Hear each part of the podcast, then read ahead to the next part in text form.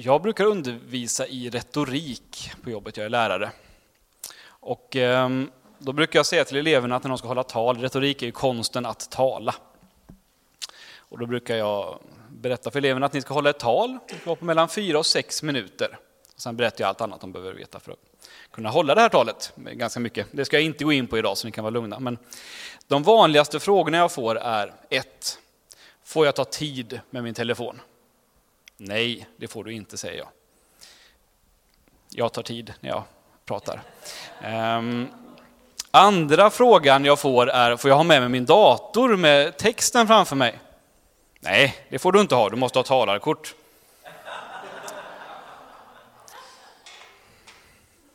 Tredje frågan brukar vara, hur ska jag stå? Ja, stå rak i ryggen, titta på dem som du talar till. Eh, det inger förtroende och du verkar veta vad du pratar om, även om du inte gör det. Det är skönt här, för att jag tror att oavsett min retoriska förmåga så är det inte min konst att tala som avgör vad jag ska säga idag, det är ju från Gud, hoppas jag. Eh, och det är Gud som får verka eh, genom det jag säger. Ehm, så om ni undrar varför min telefon står här så är det inte för att jag filmar någon, utan det är Eh, för att jag ska se hur många sidospår jag kan ta innan eh, tiden har gått ut. Ehm, det vi ska tala om idag är utifrån Johannes 10 och 11 framförallt, men ända fram till vers 16. När jag var tonåring så frågade min pappa ofta mig, läser du din bibel? Ja, sa jag. Det gjorde jag ibland. Ehm, men du ställer ju aldrig några frågor. Nej, ska jag det? Ja, men förstår du allt du läser? Ja, sa jag. Och det var ingen lögn. Men förstod jag allt? Nej. Men ställer man frågor till en text så ser man oftast lite mer än det som står rakt upp och ner. Det är också någonting jag ofta säger till mina elever. Om man läser Johannes 10 och 11 så säger Jesus att jag är den gode herden. Den gode herden ger sitt liv för fåren. Det jag menade var när pappa frågade, förstår du det här?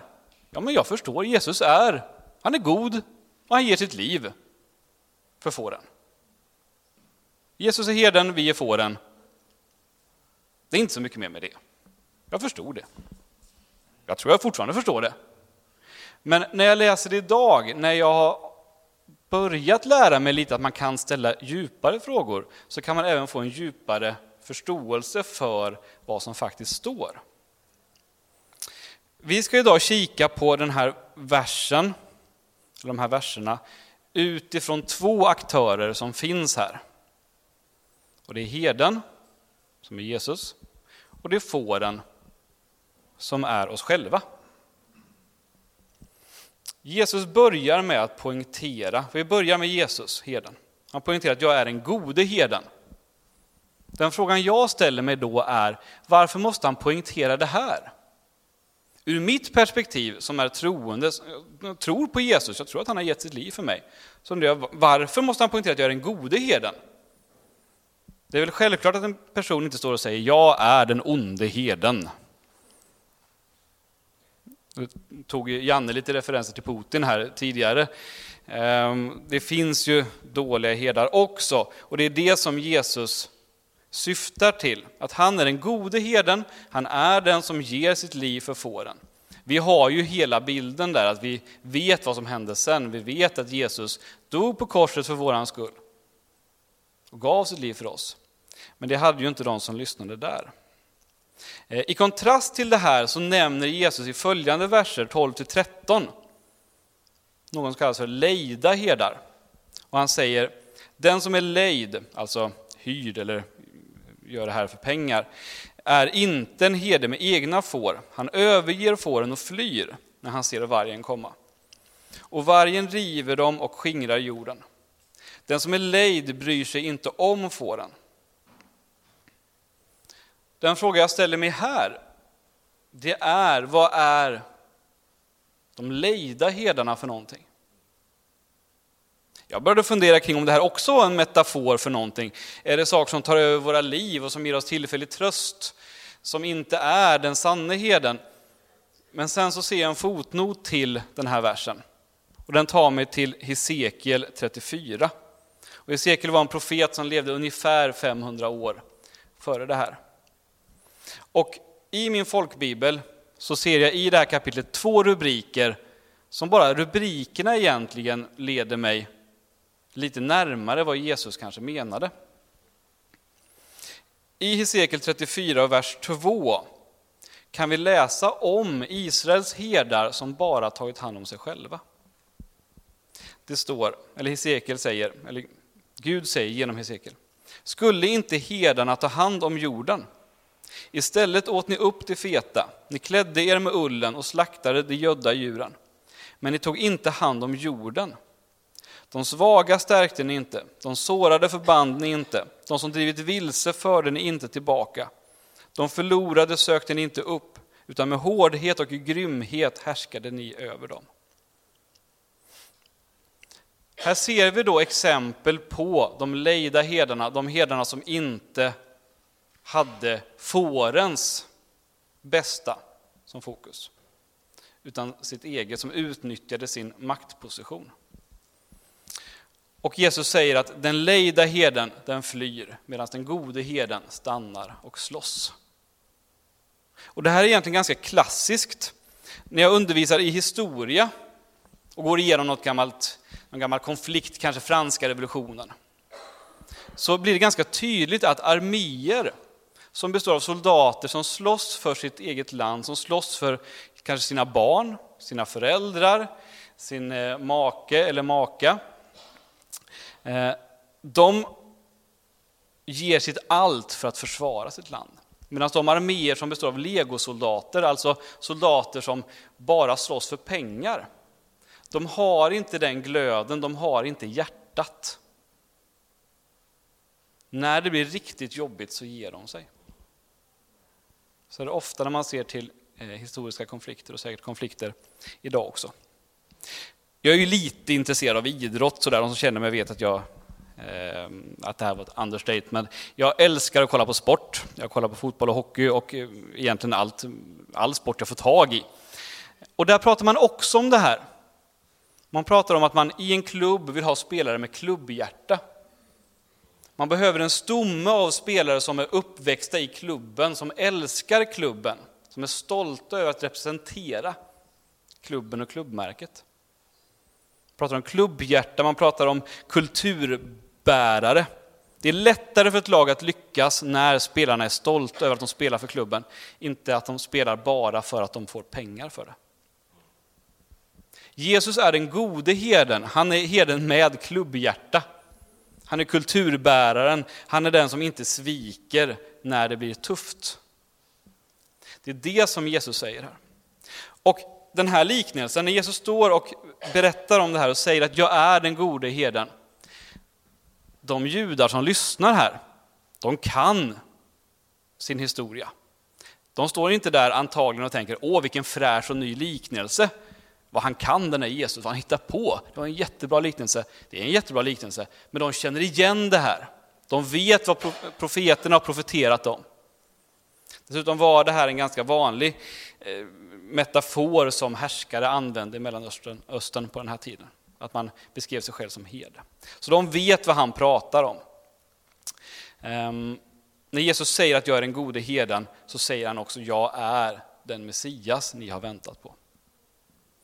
Flera av de som lyssnar är säkert också lite lejda herdar som försöker, eller tagit på sig uniformen av att jag ska ta hand om jorden, men jag bryr mig mest om att visa upp mig själv som duktig och skriftlärd. Men åter till Hesekiel. Jag sa att det fanns två rubriker där som visar lite vad det här handlar om. Nästa rubrik är just eh, den rätte herden. Och den kommer man till i vers 23. Eh, och då säger Herren att jag ska låta en herde uppstå gemensam för dem alla och han ska föra dem i bet och vara deras herde. Det här är då en profetia kring Messias. Att Jesus ska sända någon som är den gode herden. Och det är som Jesus säger eh, när han står här. Ehm, vi kan alltså konstatera att Jesus är den gode herden som Gamla Testamentet talar om. Men vad innebär det egentligen att vara en god herde? Det är nästa fråga jag ställer mig. Och för att få, ja, egentligen ger Jesus svaret på en gång. En god herde ger sitt liv för fåren. Det säger han direkt i vers 11. Men vill man ha ett lite djupare och mer utförligt svar så kan man återigen backa till Gamla Testamentet och till psalm 23. Som många av er nog känner igen. Gunilla sa till mig någon gång när jag var liten att eh, jag ber psalm 23 varje dag. Det gör hon säkert fortfarande. Men då vill jag också göra det. Och jag lärde mig hela psalm 23, det var ganska tidigt. Jag skulle tro att jag kanske var sju, sex, sju år, något sånt där tror jag, när jag lärde mig den. Det är fortfarande ett av få bibelställen jag kan utan till, för jag har svårt att lära mig bibelställena utan till. Men psalm 23 kan jag. Och där beskriver eh, David den gode herden. Där kan vi läsa att Herren är min herde, mig skall inget fattas. Han låter mig vila på gröna ängar. Han för mig till vatten där jag finner ro. Han vederkvicker min själ och han leder mig på rätta vägar för sitt namns skull. Och jag tycker nog att det är ganska lätt att förstå vad det här handlar om i början. Han leder mig till vatten där jag finner ro. Jag kan få känna ro, jag kan få känna ett lugn. Fåret får dricka vatten, vatten behöver vi för att leva. Gröna ängar, jag kan få vila och jag kan få äta mig mätt. Leder mig på rätta vägar så jag inte hamnar fel. Men sen kommer nästa del. Och det är kanske den vi ofta söker tröst i. Även om jag vandrar i dödsskuggans dal fruktar jag inget ont, ty du är med mig. Din käpp och stav, de tröstar mig. Och här kommer jag återigen till en fråga som jag inte tänkte på när jag var 14 år och pappa frågade om jag förstod allt. Din käpp och stav. Vad använder herden käppen och staven till? På vilket sätt tröstar de mig? Här har jag inte den kunskapen. Jag vet inte hur en herde jobbar. Jag har aldrig träffat en herde i hela mitt liv. Min fru har en svåger som är bonde och har massa kor, det är det närmsta jag kommer. Men jag har aldrig sett honom vare sig en käpp eller en stav när han arbetar. Ehm, så här behövde jag lite hjälp och då fick jag av, eller fick låna av min pappa, Gunnar, en bok som heter Den 23 salmen av eh, Philip Keller. Och det är, där är han, han är herde, och han har skrivit om de här verserna utifrån ett herdeperspektiv. Inte herden som metafor i Bibeln, utan herden som den som arbetar med att ta hand om får. Och enligt honom då, där går han igenom vad käppen och staven har för funktion. Och det tycker jag var intressant, för att där får jag ett vidare begrepp eller en vidare förståelse för begreppet käpp och stav. Han skriver att eh, herden använder käppen på många olika sätt. Han försvarar fåren mot vilddjur, björn och eh, lejon eh, i Gamla Testamentet, vilket David pratar om. Han disciplinerar fåren han får dem att göra så som han vet är det bästa för fåren. Han kontrollerar flocken, ser till att den håller ihop. Till sist använder han även käppen för att undersöka fåren, för att granska dem och se att de mår bra. Det kallas tydligen för att fåren får gå under käppen. Då använder herden käppen för att kolla igenom ullen och se till att det inte finns några skador eller eh, ja, parasiter eller någonting som som skadar fåren. Keller säger att käppen symboliserar, eller för fåren så är käppen en auktoritet. Det är den som skyddar dem. Och enligt Keller så är det här en symbol för, eller skulle kunna vara en symbol för Guds ord. Och då får det en liten annan betydelse. Att det är Guds ord som är auktoriteten i våra liv. Det är den som disciplinerar oss. Det är inte den som kontrollerar oss, men det är den som kontrollerar hur vi ska leva våra liv. Det är den som skyddar oss mot attacker utifrån. Och det är det som undersöker oss. Vi kan ransaka oss själva utifrån det som står i Guds ord. Din käpp tröstar mig. Medan käppen symboliserar det auktoritära så visar staven på en ömsint ledning. Herden kan använda käppen för att kasta mot fåren för att hindra dem från att gå ut för ett stup. Men med staven så vägleder han dem ömsint, trycker lätt mot sidorna för att få dem i rätt riktning. Så staven används för att hålla samman jorden, för att se till att fåren inte kommer vilse. Eh, den används till att föra nyfödda barn tillbaka till sina mödrar, tillbaka till tryggheten. För om herden tar i lammet så får de lukten av herden och mamman kommer inte ta emot dem. Med staven så lyfter herden tillbaka fåren till sina eh, mammor eller mödrar. Staven används för att rädda får som har hamnat i knipa, kanske har ramlat ner i någon liten eh, ravin, fastnat i någon buske.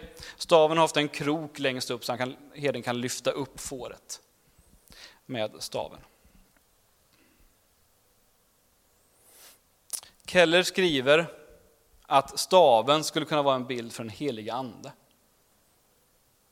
Att medan Bibeln visar på hur vi ska leva så finns den helige Ande för att på ett ömsint sätt leda oss rätt. Utifrån det här perspektivet så kan man läsa versen Även om jag vandrar i dödsskuggans dal så fruktar jag inget ont, ty du är med mig. Din käpp och stav, de tröstar mig. En god herde ger sitt liv för fåren, men en god herde skyddar och vägleder fåren. Ser till att alla drar åt samma håll. Jag sa i början att vi ska granska två aktörer i den här versen. Jag hoppas ni har hängt med på att den första var Jesus, heden. Annars har jag varit otydlig, då behöver jag nog gå min egen retorikkurs igen. Eh, men nästa person då, det är fåren och det är oss själva. Och eh, i den här liknelsen då, så är vi fåren. Och det är inte, tänker man efter så är det kanske inte en jätte eh, fördelaktig metafor att liknas vid ett får jag, vet, jag har inte jättehöga tankar om får egentligen, utan att veta så jättemycket om dem. Men bilden jag har av får, det är de här, det här fåret som sticker ut huvudet genom eh, staketet i hagen. Det lyckas efter bända och vrida och få ut huvudet. Men sen sitter huvudet där och fåret förstår inte att det måste vinkla tillbaka huvudet för att kunna dra ut det, för fåret sitter fast. Jag tänker att det inte är en slump att vi har skällsord som fårskalle Vill man vara ett får? Ja, men det tror jag ändå att jag vill vara. För att jag tror att det här visar på hur stor Jesus är. Vi är får i förhållande till Jesus som är våran herde. Vi behöver bli ledda.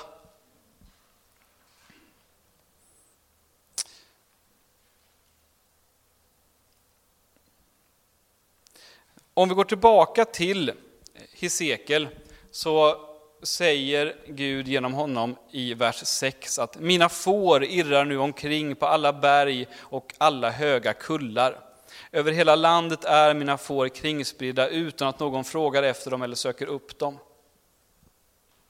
Vi behöver bli ledda för att hitta rätt. Vi kan inte göra det själva. kan man känna att Vadå, jag kan väl visst själv, jag är jätteduktig. Jag har läst Bibeln 14 gånger och eh, jag ber om förlåtelse varje gång jag syndar. Och, men jag, Jag kan väl lite själv också. Ja, du kan säkert jättemycket själv, men vi behöver bli ledda, vi behöver ödmjuka oss och inse att det är Gud som leder oss.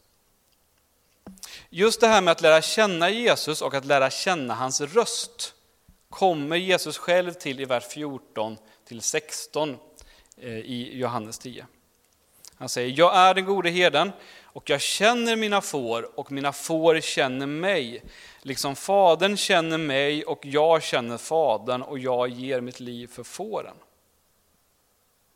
Jesus säger att på samma sätt som jag känner Fadern så ska jag känna fåren och fåren ska känna mig. Och Fadern och Sonen är ju ett. Med andra ord så ska vi också vara ett med Jesus i när det kommer till att lära känna honom.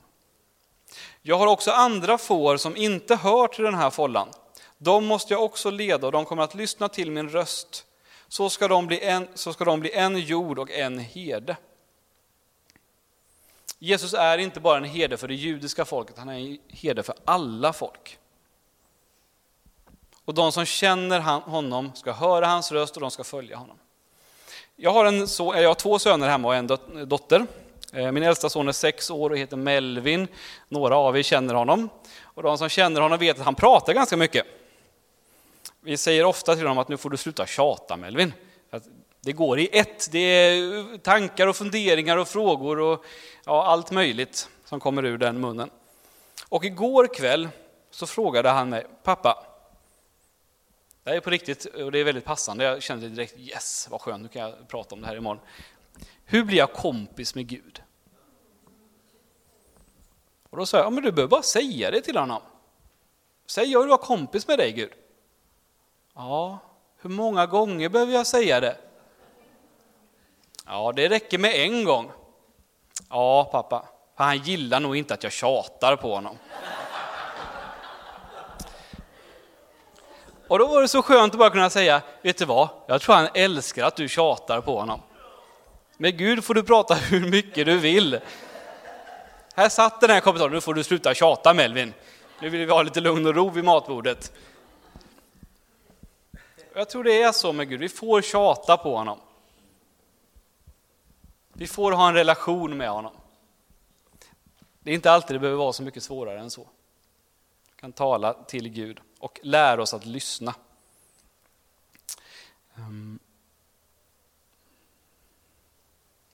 Keller beskriver vid ett tillfälle, eh, på tal om att vara lite fåraktig, om får som han, samma får får han rädda ur samma knipa flera gånger. För fåret lär sig inte. För fåret är envist och vill genom det här stället, förbi den här klyftan i marken som de ramlar ner i. Och jag tror att vi kan känna, oss, känna igen oss i det också. Ja, vi vill gå den här vägen. Och sen så hamnar vi i knipa efter knipa som, som Jesus får rädda oss eh, genom. För några år sedan så hade jag en katt som hette Isolde. Såklart eftersom att jag är litteraturlärare. Eh, vi bodde i en lägenhet på Tureborg, jag och Sandra, min fru. Eh, och det var väl på fjärde våningen någonting. Och den här katten satt i köksfönstret och tittade ut. Och kattens enda dröm, man såg det riktigt i ögonen på katten, det var att hoppa ut från det här fönstret. Springa ute på, i skogarna runt omkring där på Tureborg, jaga möss och råttor och leva livet. Hon drömde om det här. Det var det perspektivet hon hade. Och så fort vi glömde det här fönstret öppet och katten kom in i köket, då såg man hur hon riktigt laddade med bakbenen och tog sats för att nu ska jag hoppa rakt ut. Jag ska få den här friheten. Oftast fick vi tag i katten innan hon hoppade ut. Det hände någon gång att hon faktiskt hoppade ut. Men oftast fick vi tag i katten. Vi stängde fönstret och återigen satt hon där och blängde på oss och drömde att få hoppa ut. Hon hade inte perspektivet av de kanske, inte vad det kan vara, 15 meter som hon hade fallit om hon hoppat ut. Men det perspektivet hade jag och Sandra. Vi kunde se att det här är inte det bästa för dig. Även om hon såg det så. Jag tror det kan vara så med oss också ibland. Vi har en bild av vad vi vill göra, vi ser det här fönstret, vi vill hoppa ut, vi vill följa vår instinkt för vi vet ju bäst. Vi vet ju att det är den här vägen vi ska gå. Men ibland kanske det är så att Jesus har en annan väg. en annan bild som vi inte riktigt ser just då. Jag hade en, ja, jag hade en elev för några år sedan som, som hade ett problem. Jag ska inte gå in mer på, på det. Så hon kom in till mig och pratade flera gånger i veckan om det här problemet. Och ett stort problem hon hade det är att hon på ett komplext sätt inte trodde på alla andra som sa att hon hade ett problem. För enligt i hennes blick så hade hon inte ett problem. Samtidigt kom hon till mig för att hon visste att hon hade problem. Hon kunde inte göra någonting åt det, för hon litade inte på alla som sa det till henne. Och då tog jag det här exemplet om katten. Och hon sa det till mig efteråt, när hon sen hade tagit studenten, att ja, men det var så bra den här bilden. För när du berättade om den här katten, då insåg jag att jag var ju som den här katten. Min väg som jag såg, det var den enda jag såg. Men det fanns människor runt omkring mig som jag litade på som berättade någonting annat. Och då fick jag strunta i den här bilden som jag såg och lita på att de andra personerna kanske har rätt. Och det hjälpte henne ur den problematiken som hon hade. Jag tror det kan vara så med oss också. Ibland måste vi bara lita på att vi ska vägledas av Jesu röst.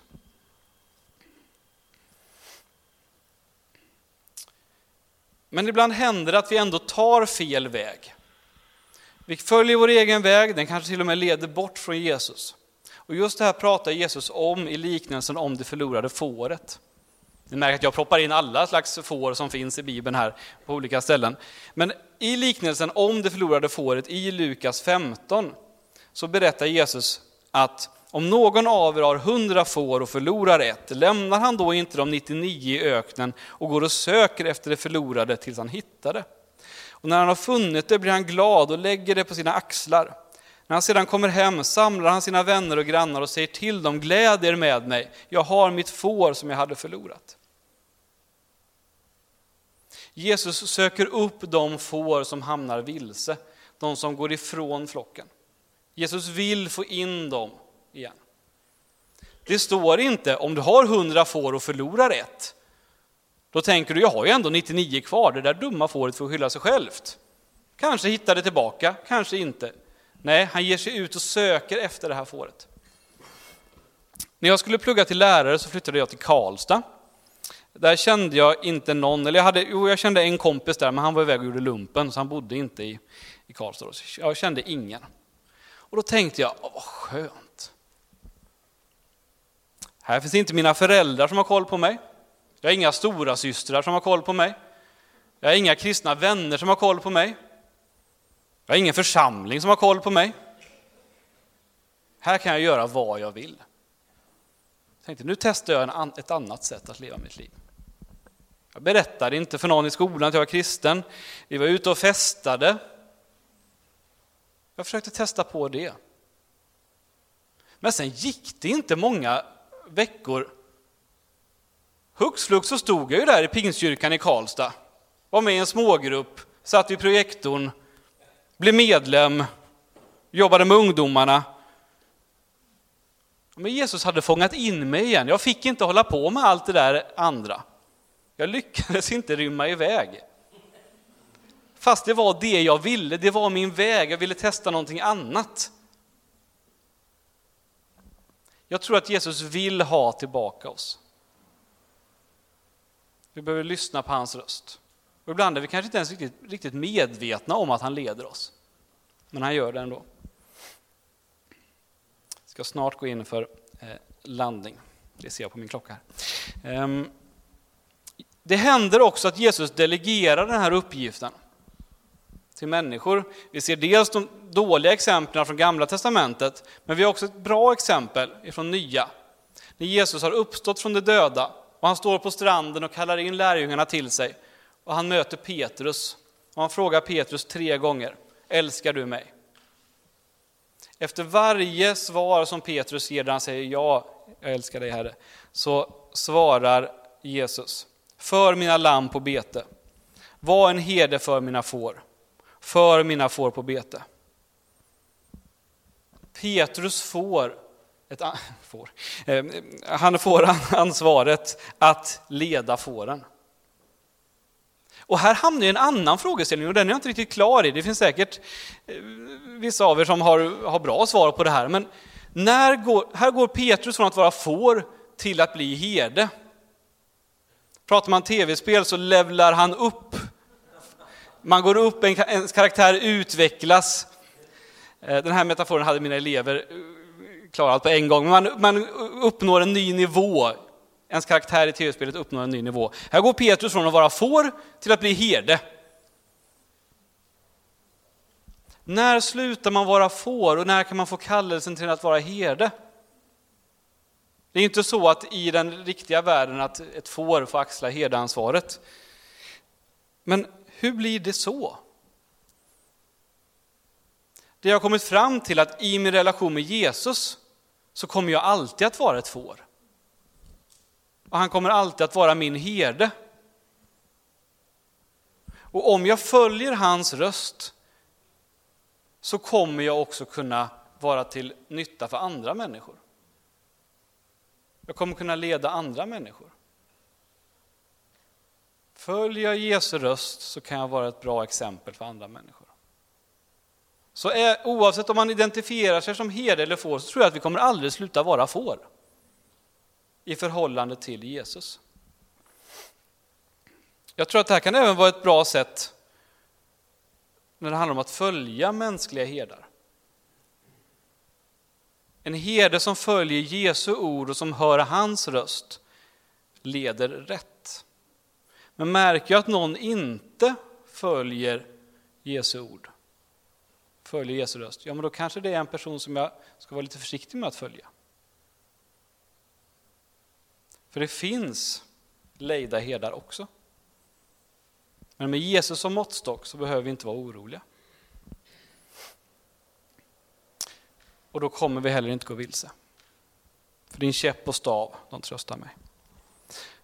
Vad har vi då fått se genom det här bibelstället för att sammanfatta? Jo, ett, Jesus älskar oss på ett genuint, äkta sätt. Han gav sitt liv för oss och han kommer skydda oss och han kommer leda oss. Två, vi är i stort behov av att bli ledda, att ödmjuka oss inför Guds storhet och att öva på att lyssna in Jesu röst och följa den. Och hamnar vi vilse så kommer Jesus att söka upp oss. Och tre, så länge vi fortsätter att följa Jesu exempel och lyssna på hans röst så blir vi ledda rätt och vi kan också leda andra i deras väg, eller på deras väg. Och vi kan också bli trygga i att följa andra som också följer Jesu röst. Så det var det jag ville dela idag. Och återigen så kommer vi tillbaka till kärnan. Att jag är en god herden. Jag ger mitt liv för fåren. Som Jesus säger i vers 11.